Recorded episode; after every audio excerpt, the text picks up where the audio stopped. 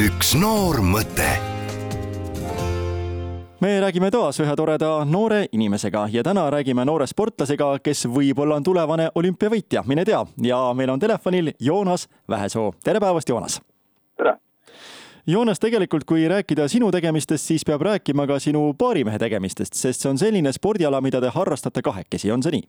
jaa, ikka. ilma temata ei saaks küll. ala naerutamine, mitte sõudmine, et mitte öelda segamini baarimees on Roman Narorov ja kui kaua te üheskoos olete sporti teinud? väga kaua, väga kaua, ühes paatkonnas me istume juba kolmas aasta. kui vanalt või noorelt sa ise jõudsid spordi juurde üldse ja mis oli see algus, kas oli kohe aerutamine või tegelesid sa muude aladega ka? ma olen proovinud erinevaid alasid, aga aerutamine võttis mu tähelepanu kõige rohkem.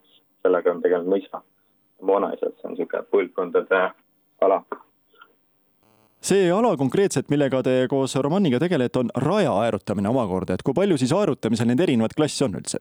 väga palju, neid on väga palju, ma ei saa praegu kõiki isegi nimetada. mis on selle raja aerutamise eripära, mis seal teistmoodi on või mis spetsiifilist? no olümpiaraja aerutamine on siis ühene süst, kahene või neljane. see olümpial on praegu tuhat meetrit ainult üheses ja kaheses on viissada meetrit. see on, see on põhimõtteliselt raja aerutamine millised on äh, teie senised kõige suuremad saavutused? ma tean seda, et U kuusteist vanuseklassis olete te hetkel maailmas neljandal kohal, mis on ülikõva koht. mis on praegu sellised auhinnad, mis on juba kapil ja mille üle te olete eriti uhked? jah, peale selle on veel, oleme valitsevad Eesti meistrid äh, meesteklassis ja U kaheksateist klassis ka.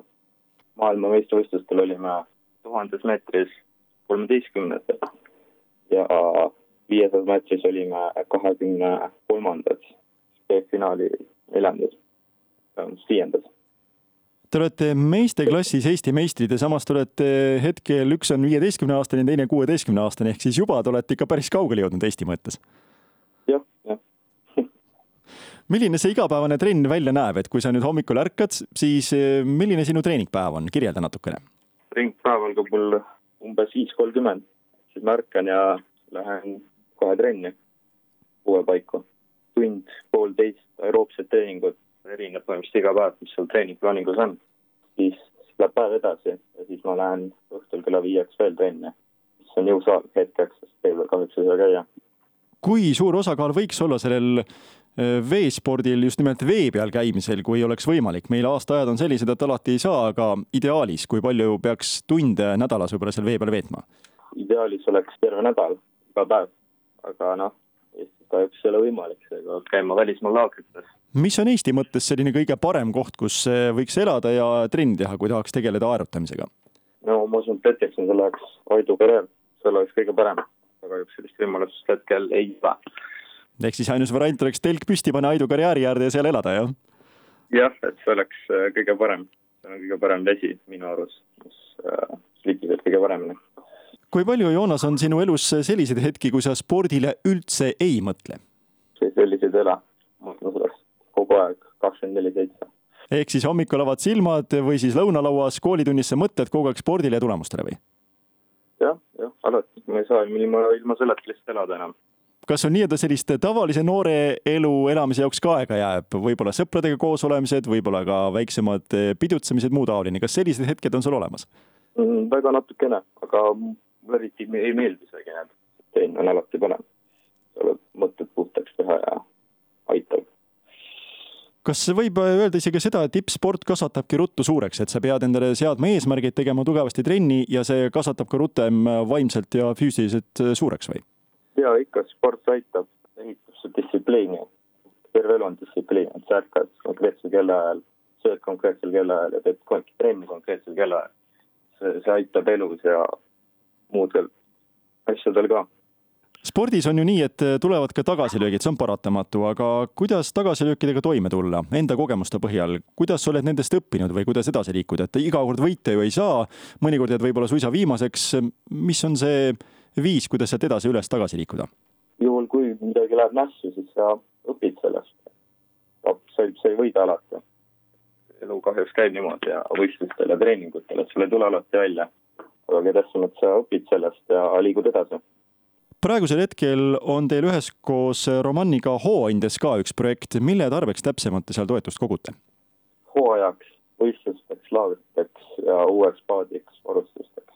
pool summas, mis muidu läheks vaja, aga harjutamine on äh, väga kallis sport ei ole meelega tegeleda mis sellise korraliku paadi hind ainuüksi võiks olla, seal on loomulikult muu varustus ka sealjuures veel, aga et oleks kuulajal umbeski aimu saada, mis selline korralik aeru, aerupaat maksab üldse?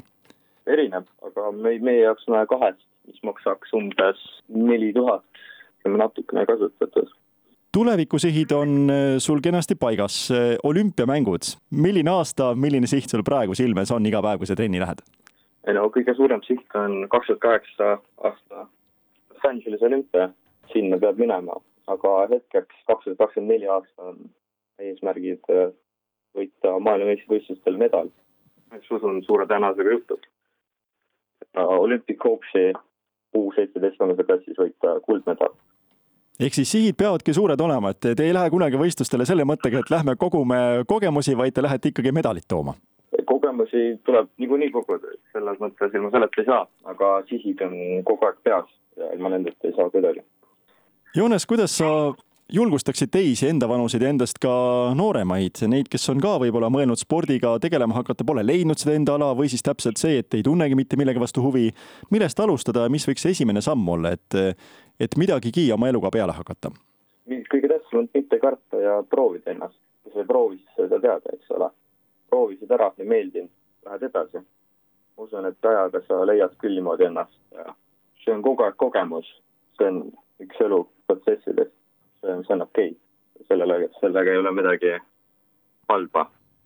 praegu ilmselt seda on vara küsida, aga ma küsin ikka, Joonas, kui ühel hetkel sul see olümpiamängude kuldmedal on käes, milline on sinu järgmine unistus, kas kahekordne olümpiavõit või sealt edasi tulevad juba muud soovid?